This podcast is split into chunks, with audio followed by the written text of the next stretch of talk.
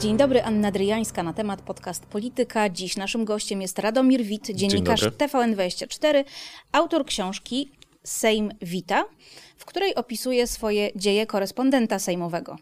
To prawda, dotąd. wszystko się zgadza y, i staram się napisać razem z y, koleżankami i kolegami, z którymi też rozmawiam w tej książce, o czym nie mówią politycy i czego nie chcieliby powiedzieć i nie chcieliby, żeby obywatelki i obywatele wiedzieli, a dobrze by było, żeby jednak ludzie wiedzieli. Zanim jednak przejdziemy do książki, jaki zawód wykonuje Miłosz Kłeczek lub Magdalena Ogórek? Mm, no, pracują w instytucji rządowej. W charakterze kogo? Nie wiem jak określić tę działalność. Ale myślę, że no, sytuacja, jeżeli chodzi o to, co robi te, telewizja rządowa, jest jasna i jednoznaczna i, i nawet nie niuansuje tego i nie pozostawia żadnych złudzeń. Nie ma mediów publicznych w Polsce, są media rządowe, są media rządowe, których jedynym celem jest to, żeby przedstawiać rząd w jak najlepszym świetle, nawet gdy trudno znaleźć to światło, bo pojawiają się jakieś okoliczności, gdzie no, obiektywnie y, dzieją się rzeczy, które wynikają ze złych decyzji albo z jeszcze gorszych kontekstów i, i które są i tak przedstawiane w dobrym świetle przez te instytucje. Oglądasz TVP? Nie. No ale przebijają się do ciebie na pewno fragmenty tak. programów, w których wyżej wymienieni, czyli pan, pan Kłeczek, pani Ogórek, wyzywają zaproszonych posłów opozycji, zagłuszają ich. Co wtedy czujesz jako dziennikarz? Wiesz, ja mogę mówić o sobie i o tym, jak e, ja prowadzę swoje programy albo relacje z Sejmu i jak ja rozmawiam z politykami. I wydaje mi się, to jest zresztą bardzo widoczne i bardzo znaczące, że w ostatnich latach na przykład politycy obozu władzy notorycznie nas obrażają, dziennikarze i dziennikarki. To jest element świadomej, opracowanej strategii. Jakie obelgi słyszałeś pod swoim adresem? Oj, przeróżne. Takie, że jestem na czymś pasku, że y, tutaj y, jakieś interesy reprezentuję, że jestem stąd, że to jest taka, a nie inna stacja. Padaj na kolana, krzyczała y, posłanka Tak, Pawłowicz. krzyczała, żebym padał i przepraszał, ale krzyczała też, żebym zjeżdżał i to jest dosłowny cytat, po prostu to do mnie powiedziała i w życiu by mi nie przyszło do głowy, żeby odpowiedzieć tym samym. To znaczy, politycy obozu władzy sieją specjalnie, z premedytacją, bo oni są szkoleni w tym kierunku, te kampanie nienawiści wobec dziennikarek i dziennikarzy, którzy są niezależni, budują to jakieś poczucie tego, że my jesteśmy jakąś stroną, co oczywiście jest nieprawdą i jest e, fałszywym zakłamaniem rzeczywistości. I liczą na to, że to wyprowadzi nas z równowagi. Czyli że liczą na to, że nas zjeżdżaj, odpowiesz, spadaj. Tak. A ja tego nie zrobię, bo jestem dziennikarzem, ja jestem od zadawania pytań. I często odpowiadam, bo teraz nasilają się te ataki, że e, można mnie obrażać, Śmiało, bardzo proszę, można mnie obrażać, tylko że obrażając mnie, obraża pan albo pani, w zależności czy to poseł, czy posłanka, ludzi w imieniu których zadaje te pytania. Że to jest też obrażanie po prostu obywateli i obywatelek, bo zadaje te pytania w imieniu tych, którzy nie mają okazji porozmawiać z politykami, a których interesuje to, co się dzieje w naszej rzeczywistości, w naszej ojczyźnie, w naszym kraju. Więc jeżeli politycy obrażają mnie, czy inne dziennikarki, innych dziennikarzy, podkreślę, to obrażają też obywateli i obywatelki. I co, w ogóle ciśnienie ci nie skacze? Nie denerwuje cię to? Czy ta, ta taka no, wiesz, przyrodnicza jestem... ciekawość ci się włącza na maksa i odnotowujesz, o, to już Oczywiście kolejna obelga w tym miesiącu. człowiekiem i, i, i, i mam w sobie te wszystkie takie ludzkie elementy, y, które gdzieś tam do których gdzieś dociera to, co mówią politycy. Tylko ja wychodzę z założenia i o tym też fajnie mówi Justyna Dobroszoracz, że my w tym Sejmie Jesteśmy od tego, żeby schować tę dumę do kieszeni, że mogą nas obrażać, ale że y, powinniśmy być odporni na te wszystkie konteksty i na te wszystkie obraźliwe rzeczy, dlatego że my tam jesteśmy po to, żeby pytać. Żeby pytać skutecznie i żeby docierać do informacji. I tyle. Mhm. A co odpowiesz tym, którzy mówią, wszyscy politycy są po jednych pieniądzach i wszyscy dziennikarze są po jednych pieniądzach.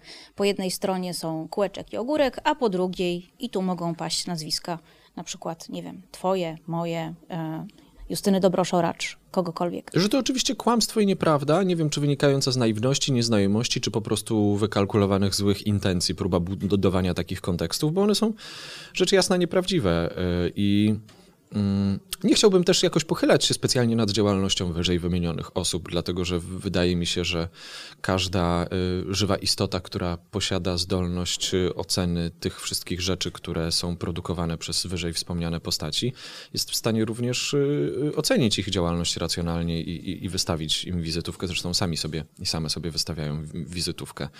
Ja bardzo jasno definiuję to, czym są media i na czym polega praca dziennikarza. Polega na tym, żeby patrzeć szczególnie władzy na ręce, dlatego że to władza decyduje o tym, jaki jest kształt rzeczywistości, w której żyjemy i w której operujemy.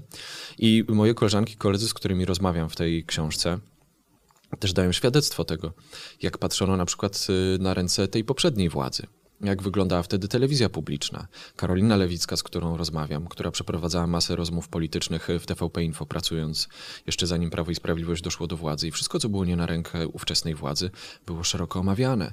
Każda afera była analizowana politycy obozu władzy ówczesnego byli młotkowani po prostu e, i rozliczani z tego wszystkiego, co się działo i musieli się tłumaczyć. I to robiły media publiczne, wtedy istniejące media publiczne. Dziś mamy media rządowe i nie ma tego. Jest za to pytanie uśmiechniętej Danuty Choleckiej, co jeszcze można zrobić, jak można pomóc. No.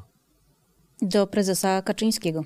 E, tam z prezydentem też było, nie wiem, czy pamiętasz taką słynną scenkę, że tam, panie prezydencie, no co jeszcze, żeby tutaj ten... No tego uśmiechu y, trudno zapomnieć. Mm.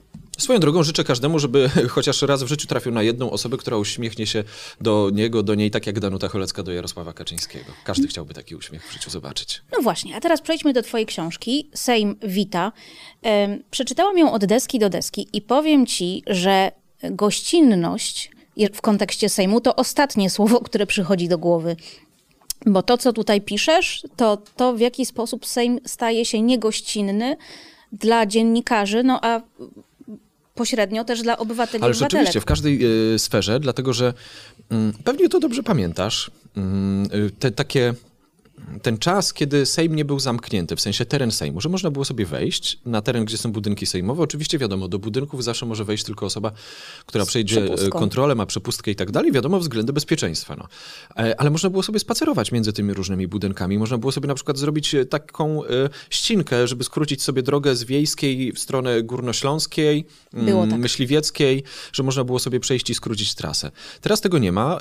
Obywatel, obywatelka nie może sobie pospacerować po gmachu parlamentu, co więcej, jeżeli pojawia się i chce sobie zrobić na przykład ładne zdjęcie, to już nie zrobi ładnego zdjęcia, dlatego że tam nadal stoją te takie e, rozstawione metalowe barierki. Po dziś dzień nie wiadomo po co, tak samo zresztą przy kancelarii premiera.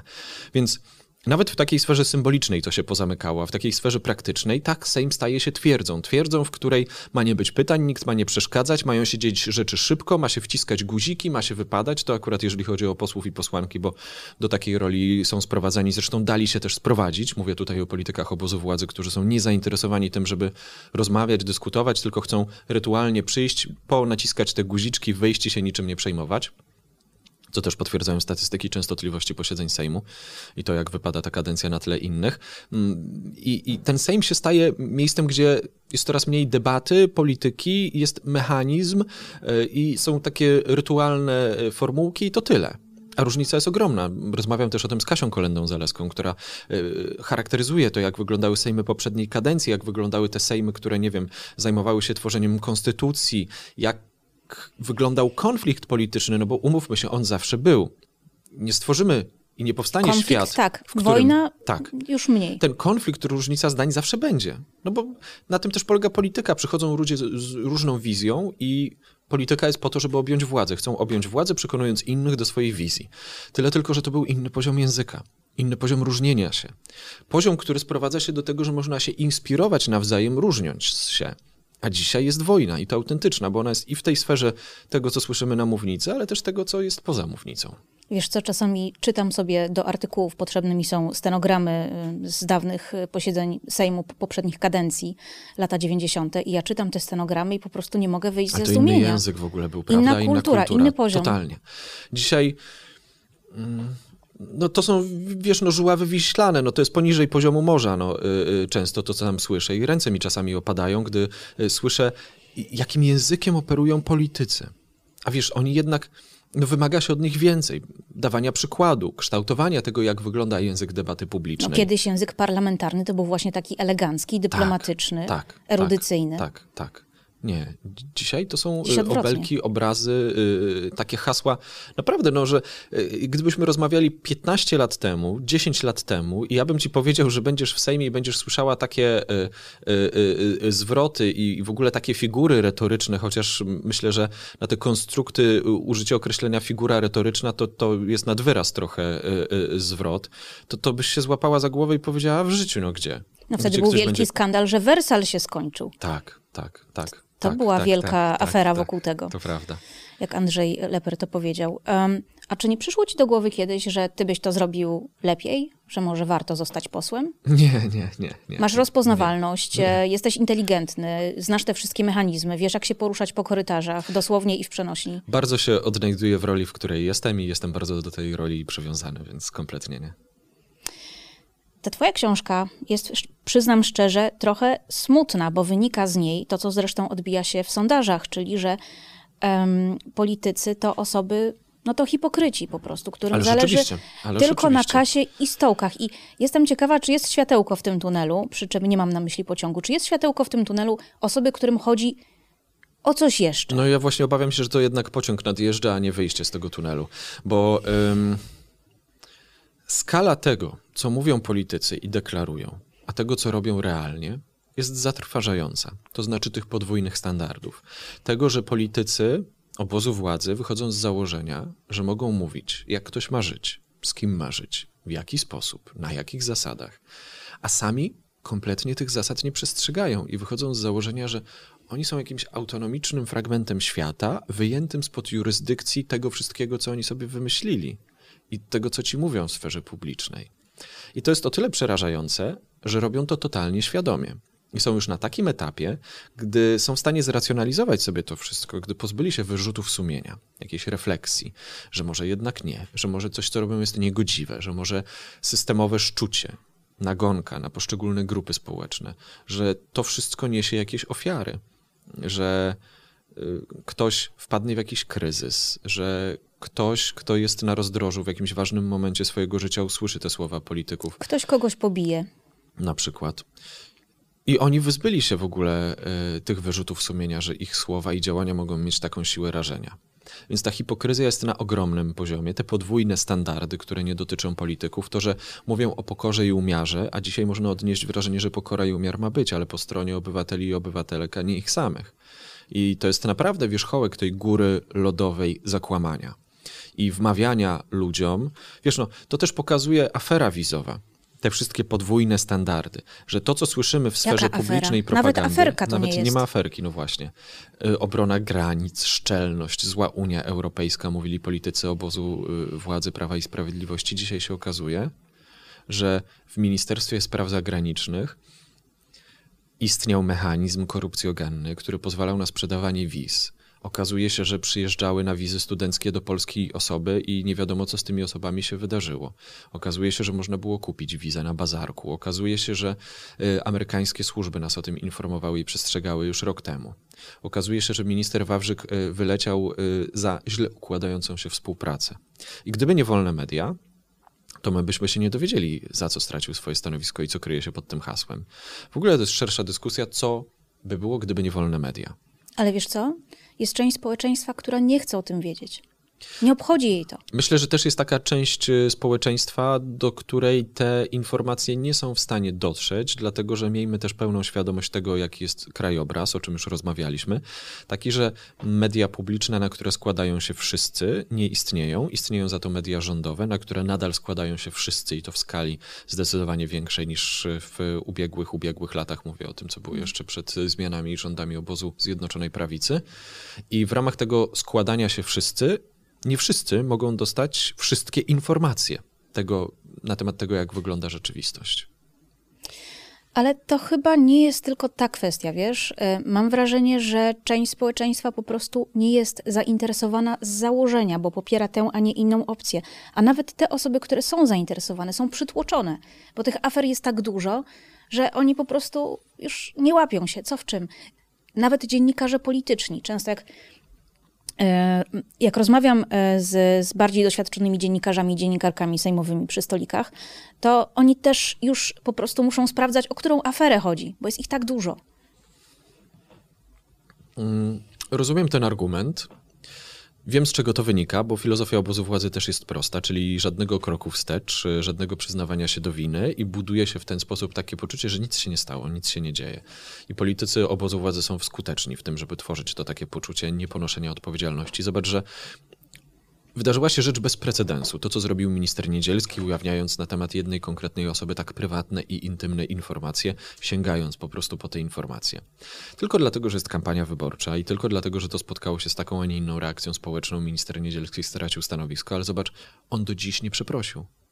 On nie przeprosił za to, że naraził na utratę zaufania cały system ochrony zdrowia, dostępu do naszych danych medycznych, tego, kto może z nich korzystać i jak może je upubliczniać. Ale to pokazuje też, jak w soczewce pewien schemat działania, to znaczy zwracasz uwagę na to, że obóz władzy popełnia jakieś błędy, że politycy czegoś nie zrobili, no bo to, to, to jest geneza tej całej sytuacji, czyli to, że były problemy, jeżeli chodzi o recepty.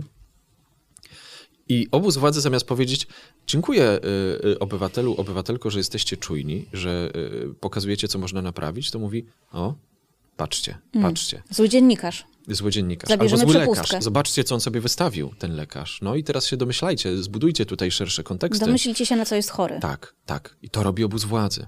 I to jest absolutnie szokujące, bo to jest jeden przypadek. Nadal cię to y, szokuje? Mnie po tak. ośmiu latach? Tak, bo ja y, protestuję przeciwko temu, żeby przyjmować to wszystko, że okej, okay, okej, okay, okej. Okay. Nie, to nadal powinno y, budzić y, y, te wszystkie alerty, włączać czerwone lampki.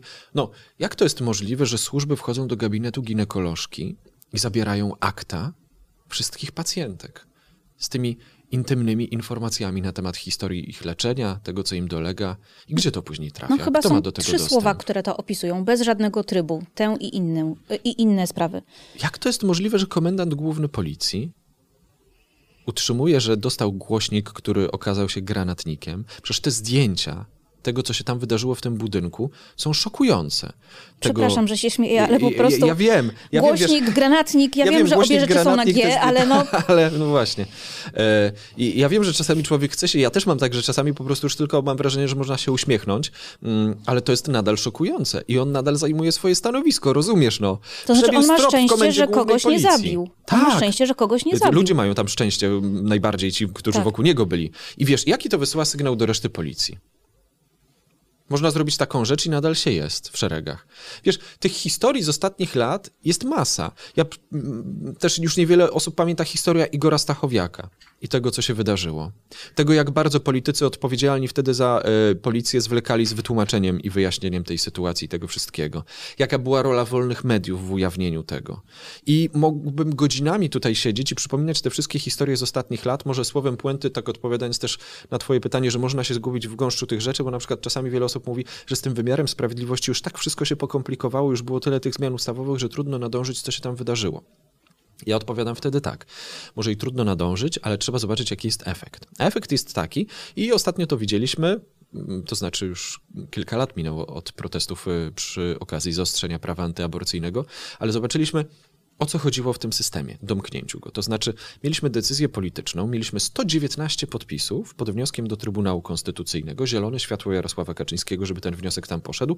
Trybunał obsadzony ludźmi z nominacji Prawa i Sprawiedliwości, którzy podjęli decyzję i doprowadziło to do zmiany rzeczywistości milionów kobiet w Polsce, ale też ich bliskich, rodzin, partnerów, e, mężów, e, e, ojców, dziadków braci. i tak dalej, braci.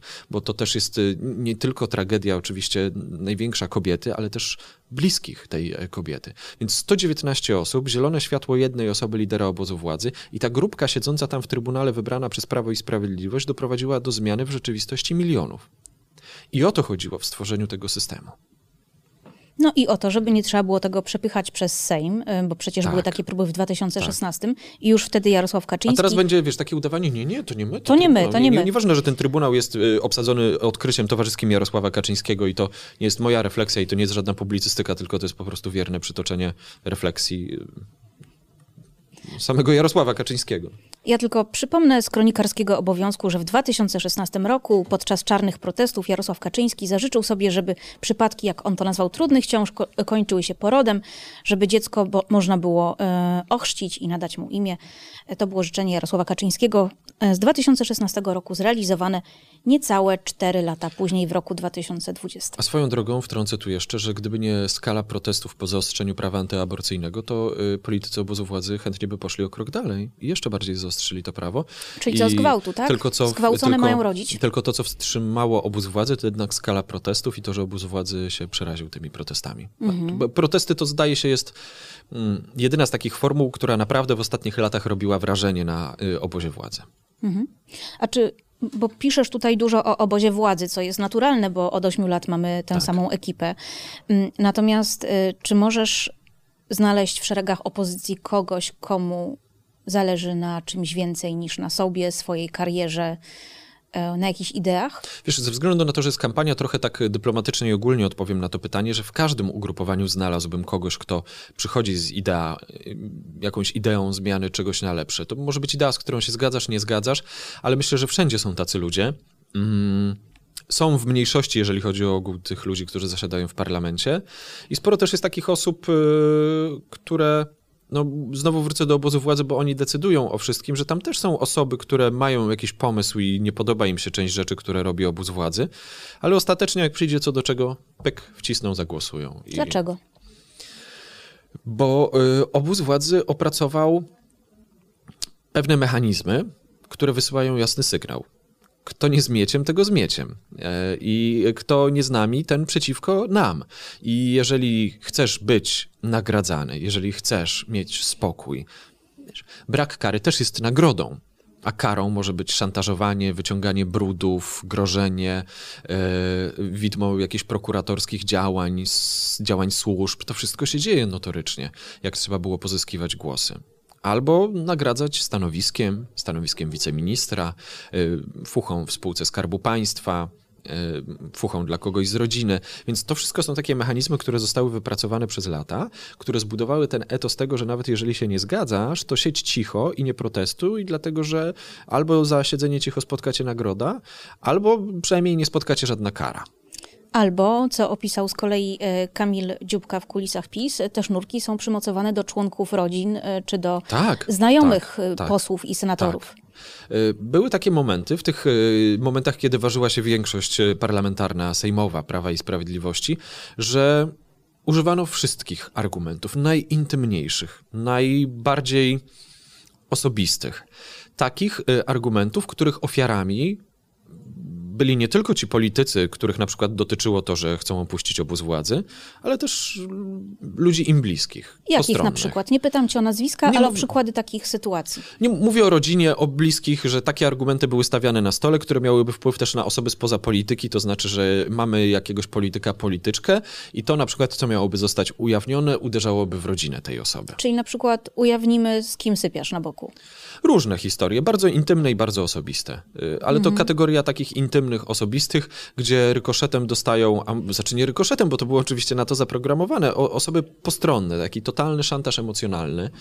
Y, Zresztą, no przecież to jest szersza skala, to znaczy zakładnikami polityki, y, która oparta jest na sianiu nienawiści i na szczuciu na poszczególne grupy społeczne, są wszyscy obywatele i obywatelki. Bo przecież ostatnie 8 lat, zobacz, jak prześledzisz sobie to, jak wyglądały kampanie.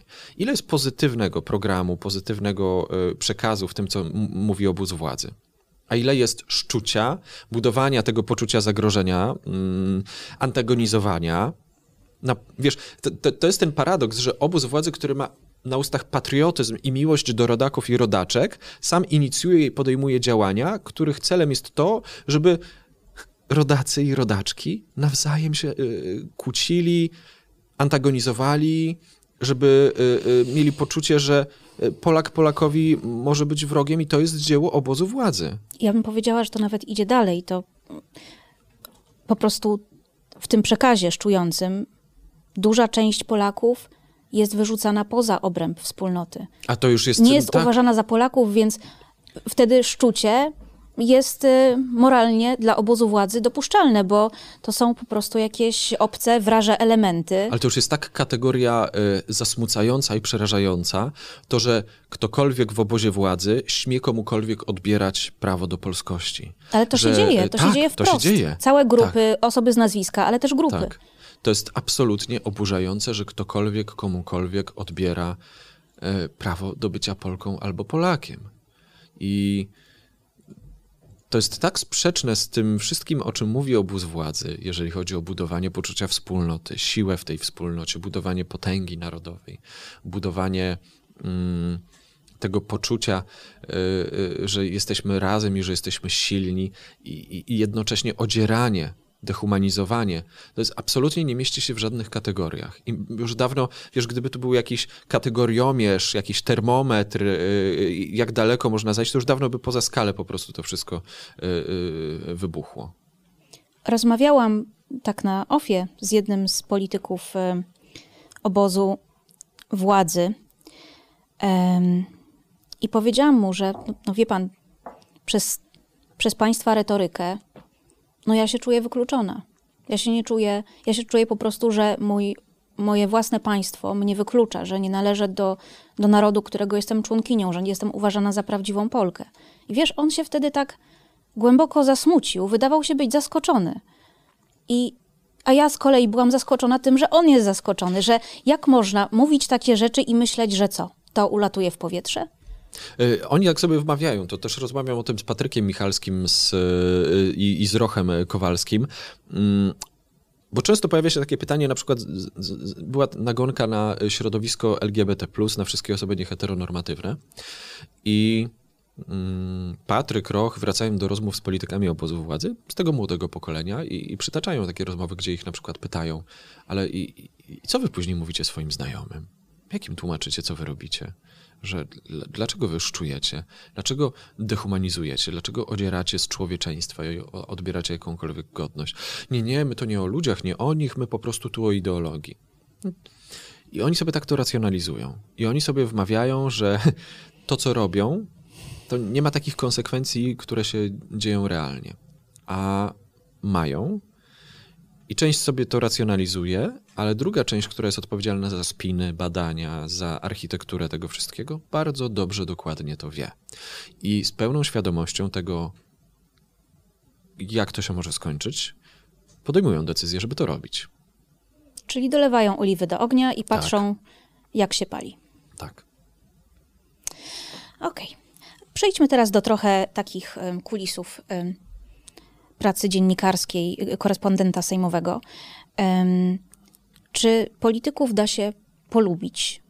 Czy y, co sądzisz o, o tym? Niektórzy, niektórzy widzowie czy czytelnicy bywają oburzeni tym, że dziennikarze są z niektórymi politykami na ty. Co ty na to? To się zdarza. Y, szczególnie gdy mówimy o ludziach w, tych samym, w tym samym wieku po prostu, mm, to to się zdarza. Czy polityków da się lubić? To Uśmiech jest, znaczący. Trudne pytanie, dlatego że y, ja mam wobec polityków i polityczek taki czysto, za, za, czysto zawodowe mam takie podejście i traktuję ich w kategoriach czysto zawodowych. To znaczy, mm, przychodzę do Sejmu i, i, i nie wybieram no, setkowiczów wedle na przykład sympatii albo braku sympatii, tylko według sprawowanej funkcji albo działki, którą się zajmują, y, albo obszaru, y, na którym się znają, bo też zawsze zależy mi na tym, żeby mimo wszystko gdzieś tam było to bardziej eksperckie niż po prostu komentarzowe i takie rytualne i przekazowe. Mm, a z tym lubieniem, z tą sympatią może dla polityków, polityczek, bywa różnie, no bo na przykład, żeby dać jakiś dobry przykład, załóżmy, że Tadeusz Cymański jest tak barwną postacią i tak ktoś mógłby powiedzieć sympatyczną w tej swojej barwności, a okazuje się, że jednocześnie Tadeusz Cymański w tym, że tutaj zaśpiewa, tutaj się uśmiechnie, tutaj coś barwnie odpowie, e, ukłoni się, no jest człowiekiem, który potrafi e, powiedzieć, że gdy politycy chcieli sobie dać podwyżkę, ostatnio wycofano się, bo był taki pomysł, żeby dać podwyżkę, że to nie jest podwyżka, tylko to jest waloryzacja inflacyjna e, i, i równocześnie mówi to mając na koncie emeryturę z Parlamentu Europejskiego, polską emeryturę, dodatki, no bo on jest i w Komisji Finansów i, i, i, i po prostu to uposażenie i tak dalej. I nie przeszkadza mu to, żeby wygłaszać takie tezy, i nie przeszkadza mu, przełapałem go też na tym, jak podpisywał listę obecności na komisji, nie będąc na tej komisji. Bardzo komicznie opisujesz to w książce, tak. te wszystkie zabiegi, żeby tu zasłonić było, tak, plecami, wiesz, co tu takie, się dzieje. Ten, ja wyszło trochę przypadkiem, bo wiesz, jak nagle ktoś zaczyna kogoś tak jakoś y, własnym ciałem e, osłaniać, osłaniać to myślę sobie, a co tutaj się dzieje i o co chodzi. Hmm. No i widzę, że podpisik idzie, a posłanie było, więc widzisz, pod tym uśmiechem i tą taką... Ale pyk, ten, kasa leci. No o to chodzi. A wiesz, no to jest ten cały paradoks, że ludzie, którzy tworzą prawo i ciebie jako obywatelkę, mnie jako obywatela, to wszystko dotyczy i wszystkich nas, nie ma żadnych wymówek, musimy się dostosować. Choćby to było najbardziej absurdalnie tworzone prawo, y, to ono nas wszystkich dotyczy, a ludzie, którzy tworzą to prawo, mają gdzieś reguły. No bo co z tego, że komisja się skończyła i, i go na tej komisji nie było? Podpiszę, że był. Tylko wiesz, w tym momencie możesz usłyszeć, yy, albo ja też, bo mam podobne podejście, że jesteś idealistą, że jesteś naiwny. Bo jestem. Bo to jest po prostu bo jestem, gra w szachy być. i to wielopoziomowe, a ty rozpatrujesz to z poziomu zwykłych ludzi. Na lubię być yy, idealistą, lubię mieć w sobie dozę naiwności, taką, która nie zabija ostatecznie poczucia, że mogą być jakieś zasady, że państwo może być budowane przez polityków i polityczki, którzy trzymają się zasad, a nie bezczeszczą i depczą wszystko w imię politycznego interesu. Bo jednak zasady i bezpieczniki tworzą pewien fundament. I później to wszystko wydaje się bardziej stabilne. I trudno tak tym statkiem wtedy kołysać, tą łodzią kołysać i po prostu y, sprawiać wrażenie, że to dopłynie tam, gdzie dopłynie i nikogo już nic nie y, obchodzi. Więc pielęgnuje w sobie tę taką naiwność, że jednak e, politycy, a nie jest ich wielu, no wiesz, to jest moje oczekiwanie wobec grupy 460 osób w Sejmie i 100 w Senacie, plus tam powiedzmy ministrowie nie, e, nie sejmowi, bez mandatu poselskiego albo senatorskiego, że ci ludzie będą w stanie e, respektować prawo, reguły z tego wynikające, jednocześnie wymagając tego samego od obywateli i obywatelki, a nie, że wymagamy od obywatelek i obywateli, a sami niczego nie robimy tak jak oni. Wiesz co, to, to mówisz o hipokryzji, podwójnych standardach, ale to przytoczę tutaj, mhm. już odniosę się do sytuacji, której, którą już omawialiśmy. Jarosław Kaczyński po tym e, zakazie aborcji embryopatologicznej udzielił wywiadu, w którym powiedział, że, e, tutaj cytuję niedokładnie, że jak ktoś jest ogarnięty, to sobie tę aborcję w Czechach załatwi, więc no nie przesadzajmy z tym oburzeniem tutaj. Więc to, to nawet nie jest kwestia tego, że politycy nie przestrzegają, a obywatele mają przestrzegać, tylko że politycy z pełną świadomością zdarza im się uchwalać prawo, o którym wiedzą, że obywatele też go nie będą przestrzegać. Czy to jest teatr? Dla mnie przede wszystkim taka wypowiedź to jest też brak wrażliwości, e, szczególnie z ust osoby, która buduje swój wizerunek jako kogoś, kto wobec kobiet jest e, no, bardzo nie wiem, szanuje kobiety. Te, które nie dają w szyję, być może. Może właśnie y, o to chodziło. W każdym razie, mm, wiesz, no z jednej strony, y, że ktoś, znaczy no ale umówmy się, co to jest za argument, że ktoś może gdzieś wyjechać. mamy tutaj pewien system y, i, i, i i ten system jednak oddziałuje chociażby na decyzje lekarzy. No. Bo po zaostrzeniu prawa antyaborcyjnego, zobaczmy, wiesz, politycy obozu władzy niechętnie o tym mówią i przypominają, ale doprowadzono do takich zmian w postępowaniu, jeżeli chodzi o procedury lekarskie, że Ministerstwo Zdrowia musiało powołać zespół, który ma doprecyzować i wypracować te standardy postępowania. Więc Ale dopiero po wydarzyło. wyborach, na wszelki wypadek. To na wszelki wypadek, e, żeby się nie narazić temu elektoratowi, któremu by się to nie podobało. I widzisz, znowu wszystko jest e, obiektem kalkulacji politycznej, przeliczenia po prostu na politykę i brak wrażliwości na człowieka ze strony ludzi, którzy tyle o wrażliwości do człowieka mówią. No a jak się do wyborów zdarzy i za sprzczyny albo dwie, no to cóż trudno. Wspominałeś o tym, że jesteś obrażany w Sejmie, ale w książce opisujesz też sytuację, gdy naruszana jest twoja nietykalność osobista. Wiesz, y, y, zmienia się trochę to, jak y, działa Służba Ochrony Państwa, kiedyś Biuro Ochrony Rządu, to znaczy jak przesuwane są te granice, że pozwalają sobie na coraz więcej i to, że wiesz, ktoś mnie złapie, ktoś mnie odepchnie, ktoś tak...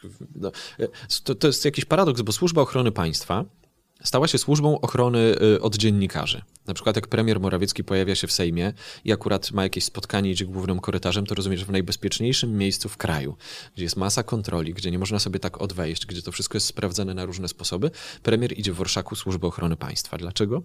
po to, żeby, żeby taki Radomir Wit nie mógł podejść za bardzo. mikrofonem. Tak, tak, i panowie są od tego, żeby odganiać, mówić żadnych pytań, proszę odejść i tak dalej. Rozumiesz? Mhm.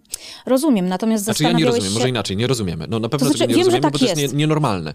Bo powinno być tak, że premier premierowi można zadać pytanie, że Służba Ochrony Państwa nie odgania dziennikarzy, bo nie od tego jest, ma e, ochraniać najważniejsze osoby w państwie, ale nie ochraniać od pytań i nie tym się zajmować. No to wszystko jest absolutnie szokujące. A nie miałeś takiej myśli, żeby, nie wiem, jakoś pójść do sądu, zrobić coś z tym? No, ja wiem, że posłowie mają immunitet, nie mają go dziennikarze, ale dziennikarze, tak jak każdy inny człowiek, mają nietykalność osobistą. Nie można tak po prostu podejść sobie do kogoś, szarpać go za ramię, przesuwać. No i okazuje się, że można. No ale mógłbyś coś z tym zrobić, nie? Pójść Wiesz do sądu. Co, y, ja zgłosiłem do prokuratury groźby y, y, wobec mnie, jak grożono mi śmiercią, to pani prokurator po roku łaskawie odpisała, że nic się nie udało ustalić. Do widzenia. Aha, możesz powiedzieć tak coś więcej? Jak te groźby były formułowane? Wiesz, to dostałem w mediach społecznościowych na Twitterze, to już było...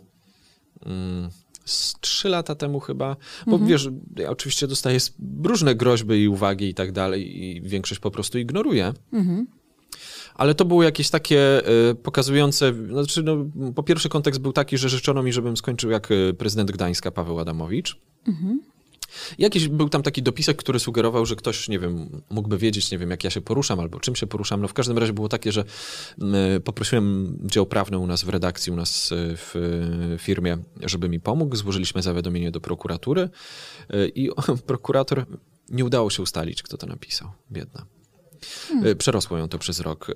A mówimy o sytuacji, gdzie trzeba było po prostu ustalić, kto napisał ten komentarz, y, a żyjemy w państwie, w którym jakoś z Pegasusem nie ma problemu ustalać różnych rzeczy. W sensie rozumiesz, że żyjemy w epoce, gdy państwo mm, sięga po wszelkie metody dowiadywania się różnych rzeczy i to jest bardzo ogólne ujęcie tego zjawiska, czyli Pegasus, czyli chociażby te konfiskowane akta, e, czyli prokuratura działająca często na polityczne zamówienie, jak zwraca uwagę opozycja gdzie stopień wejścia państwa, dotarcia do różnych danych jest tak głęboki, a tutaj się okazało, że przez rok panią przerosło, żeby się dowiedzieć, kto ten komentarz napisał.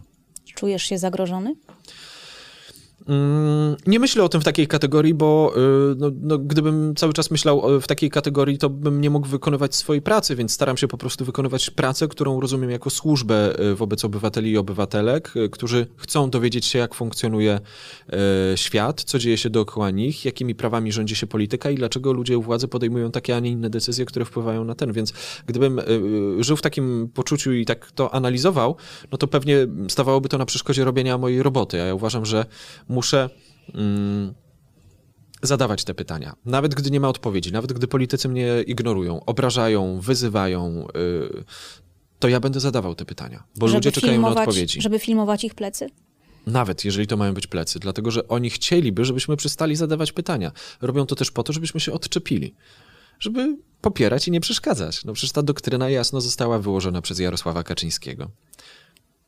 Czyli ty przeszkadzasz? Przykro mi, ale będę przeszkadzał, dopóki będę mógł przeszkadzać pytaniami, po to, żeby politycy zawsze mieli świadomość, że są ludzie, dziennikarze, dziennikarki, którzy będą pytali o ich decyzje i będą musieli się tłumaczyć. Gdy władza się zmieni, też będziesz przeszkadzał? Oczywiście. Od tego są dziennikarze, żeby przeszkadzać politykom i żeby politycy mieli zawsze świadomość, że jest ktoś, kto zapyta, zainteresuje się, dowie, że nie można nie tłumaczyć się ze swoich decyzji. Jak politycy karzą dziennikarzy? Bo wspominasz o tym, że zadawanie pytań ma swoje konsekwencje. O tym też rozmawiam z koleżankami i kolegami, dziennikarzami, dziennikarkami w książce, mm, bo bo wiesz, bo czytelnicy, słuchacze, widzki często e, sformułują takie oczekiwania e, na Twitterze, ale nie tylko. No, dlaczego ktoś tam, e, dziennikarz, nie zaprosi tego polityka do programu? Dlaczego tak, nie zada mu tak. tego pytania? Co wy robicie I, w tych mediach? Ja bym wszystkich chciał zaprosić, tylko że no, jeżeli na przykład zapraszam ministra Czarnka w Sejmie i nagrywam to na kamerę, bo akurat była kamera i on mówi, że przyjdzie, Po prostu mówi, że przyjdzie. I tam jakieś widełki czasowe nawet ułożyliśmy i później nie przychodzi, no to co ja mogę zrobić? No, po prostu kłamał, tak? Publicznie skłamał i, i zero konsekwencji. Y, A kary są takie, że na przykład odwołują gości w programach albo blokują tych gości, bo na przykład jakiś dziennikarz kogoś przemaglował, albo to nie dotyczy tylko mnie, o tym też rozmawiam właśnie w książce, y, bo jakiś komentarz się pojawił na Twitterze, bo coś im się nie podoba. I po prostu blokada informacyjna, niezapraszanie. Ale karami są też, wiesz, braki zaproszeń na jakieś spotkania dla dziennikarzy na OFIE, no bo też odbywają się takie spotkania na OFIE na przykład z premierem, gdy, wiesz, no to naturalne, że my jako dziennikarze i dziennikarki oprócz tych oficjalnych informacji, które padają w sferze publicznej, chcemy też słuchać o kuluarach, o kulisach, o, o różnych rzeczach, których też na przykład politycy i polityczki nie mogą mówić publicznie.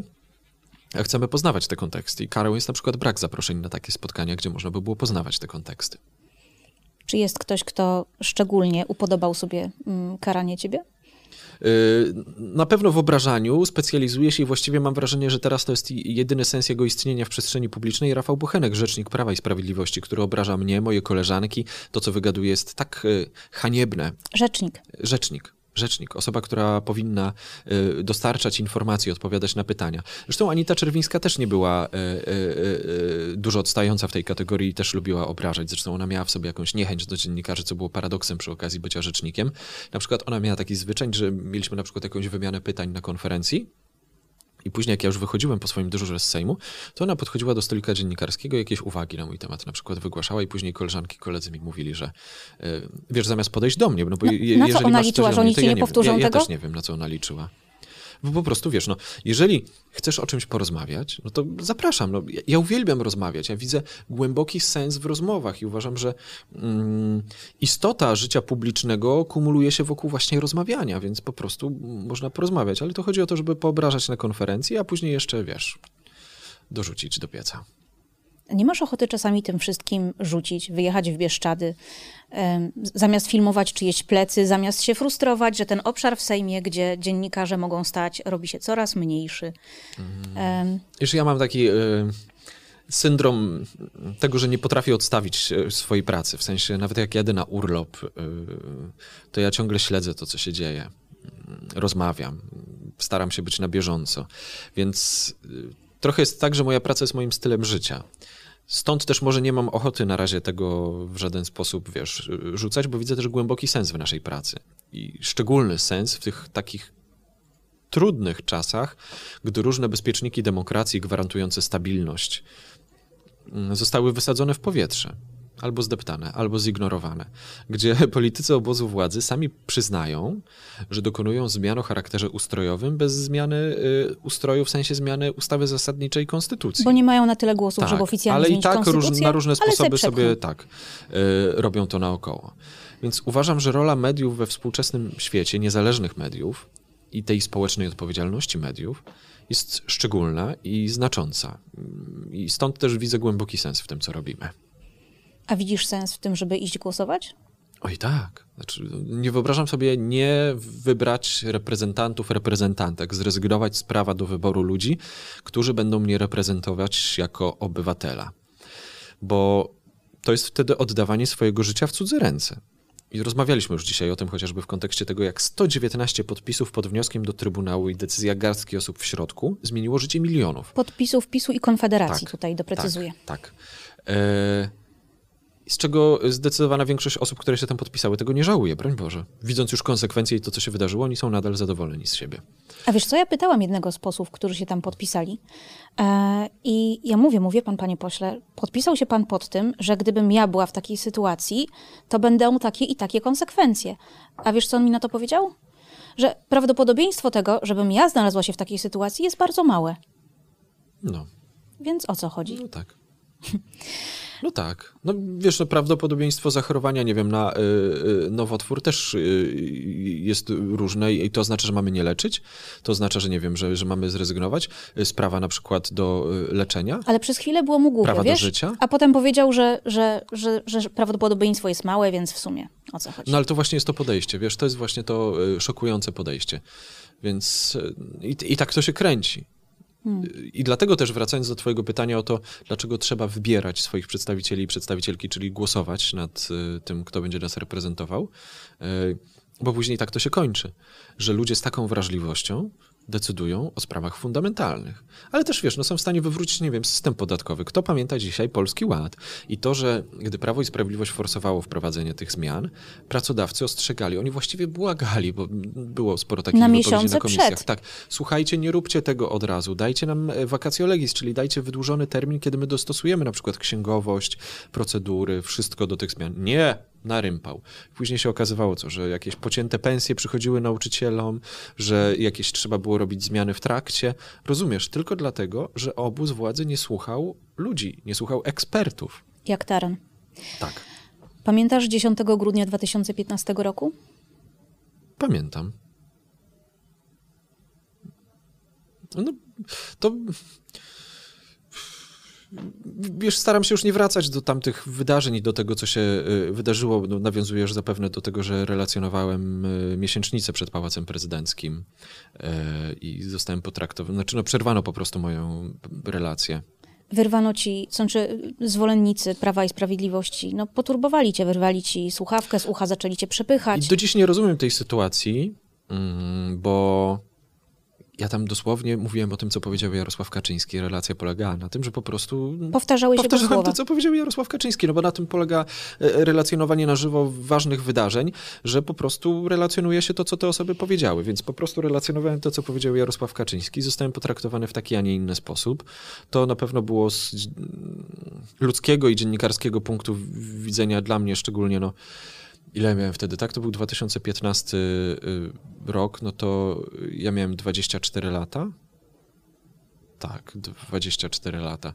No więc to dla młodego dziennikarza to, to, to była jakaś taka trudna y, sytuacja. Później jakoś miesiące po tym spotkałem jakąś panią, na jakimś wydarzeniu, która powiedziała, że tam była jej koleżanka albo bliska i próbowała obrócić tę całą sytuację w żart, to znaczy, a przecież panu się nic takiego nie stało, nic takiego się nie wydarzyło, to przynajmniej będzie pan y, że y, w ogóle takie niezrozumienie i taki brak wrażliwości dla tej sytuacji, ale nie lubię wracać do tej sytuacji, bo y, no, no bo to nie jest dobre wspomnienie po prostu.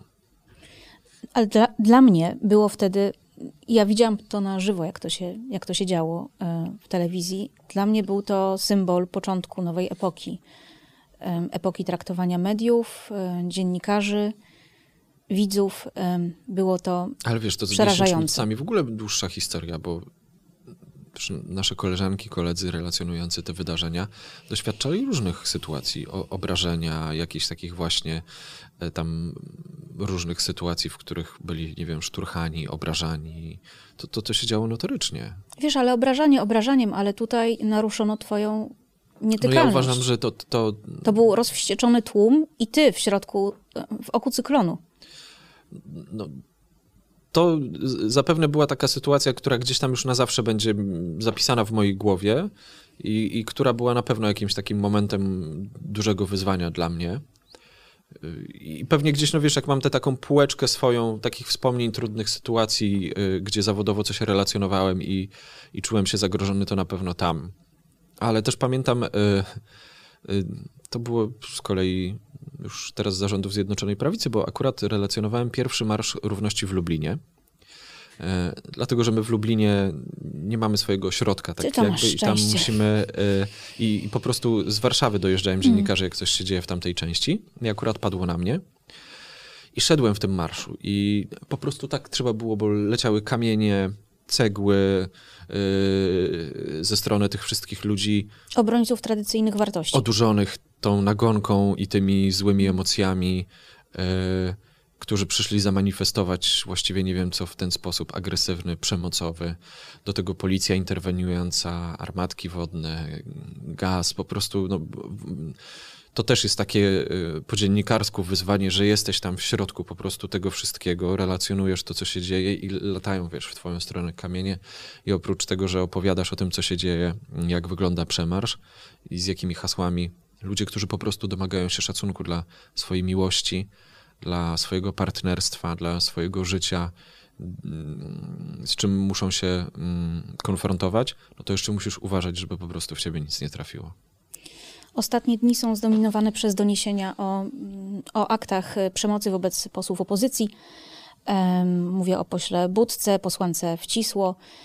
No była też sprawa posłanki Gajewskiej, y, wciągniętej do policyjnego samochodu, y, mimo tego, że jest posłanką, mimo immunitetu. E, czy, czy ciebie to niepokoi? Czy tego typu wydarzenia, takie agresywne interakcje, to, to jest coś, co już dawniej bywało, tylko teraz się to bardziej pokazuje? Nie, nie było takiej skali. E, język polityki nie był taki nienawistny, tak systemowo szczujący.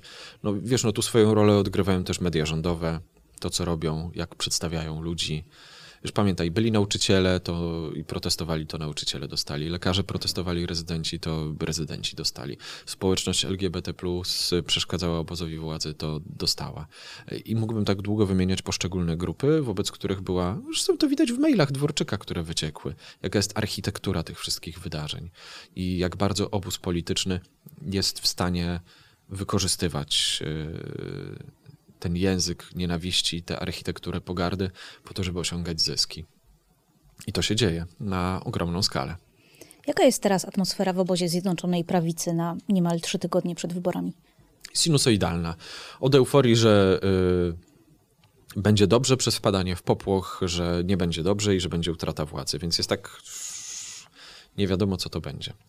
Ale. Y, jest y, grupa takich y, polityków i polityczek obozu władzy, którzy przyznają, że zważywszy na skalę tego, co się wydarzyło i, i, i jak daleko to wszystko zawędrowało, to taka e, to przerwanie tego sprawowania władzy zrobiłoby dobrze wielu w obozie władzy. Nie wiem, czy kokietują po prostu i chcą, wiesz, przypudrować e, osiągnięcia ostatnich ośmiu lat i mają jakieś przebłyski refleksji, że y, nijak to, co teraz się dzieje i to, jak funkcjonuje państwo, ma się do tego, z czym szli do polityki. No ale jest też taka grupa, ogromna grupa ludzi, którzy na wolnym rynku by się nie odnaleźli w żaden sposób. I wolny rynek nigdy nie będzie w stanie, znaczy nie będzie chciał, bo nie mają nic do zaoferowania, powiedzmy to wprost. Yy, na przykład zatrudnić ich na takich warunkach, które utrzymywałyby ich obecną stopę życia. Więc dla nich to jest być albo nie być. I ta determinacja jest widoczna w tym, jak jest prowadzona ta kampania. Ta kurczowość w trzymaniu się władzy za wszelką cenę. Ale no, nastroje są takie raz dobrze, raz niedobrze, e, w zależności od tego, które sondaże się pojawią, chociaż te sondaże, to, to, to wiesz, czasami jest od ściany do ściany po prostu. Więc yy, myślę, że te yy, trzy tygodnie już niecałe, które przed nami, to będą bardzo intensywne yy, tygodnie. A demokratyczna opozycja? W jakich jest nastrojach? Myślę, że to samo. Ta, ta sinusoidalność, y, o której mówię, jeżeli chodzi o obóz władzy, to też po stronie opozycji jest odczuwalna. Wyobrażasz sobie pracę dziennikarza podczas trzeciej kadencji PiS? Podtrzymam to, o czym powiedziałem, czyli ja deklaruję, że będę zadawał pytania każdej władzy, dopóki będę mógł zadawać te pytania. Mhm. I uważam, że to jest absolutnie potrzebne. Zobacz, Orbanowi na Węgrzech nic, nikt już nie zadaje pytań, nikt mu już nie przeszkadza. I co? I drożyzna, najwyższy wskaźnik inflacji, brak paliwa na stacjach benzynowych, układanie się z y, ruskimi, y, y, ceny z góry ustalane urzędowo. Rozkraczyła mu, mu się ta gospodarka, bo tam nikt nie pyta o decyzję rządu. Nikt nie skrytykuje decyzji rządu. Nikt nie wejdzie w polemikę z decyzjami rządu. Nie, Orban robi co chce i nie spotyka się z żadną krytyką, bo krytyka została skutecznie stłumiona i płacą za to obywatelki i obywatele. No i nie obawiasz się takiej skuteczności w Polsce? Ja mogę tylko zadeklarować, że dopóki będę mógł, będę pytał i zwracał uwagę na różne rzeczy. Dziękuję serdecznie. To Dziękuję był ci. Radomir Wit, autor książki Sejm Wita, korespondent sejmowy TVN24. Bardzo Ci dziękuję. No dziękuję. i mam nadzieję, że doczekamy czasów całkiem niedługo, kiedy politycy obozu władzy będą odpowiadali na pytania. Mam nadzieję. Dziękuję Ci Dzięki bardzo. serdecznie.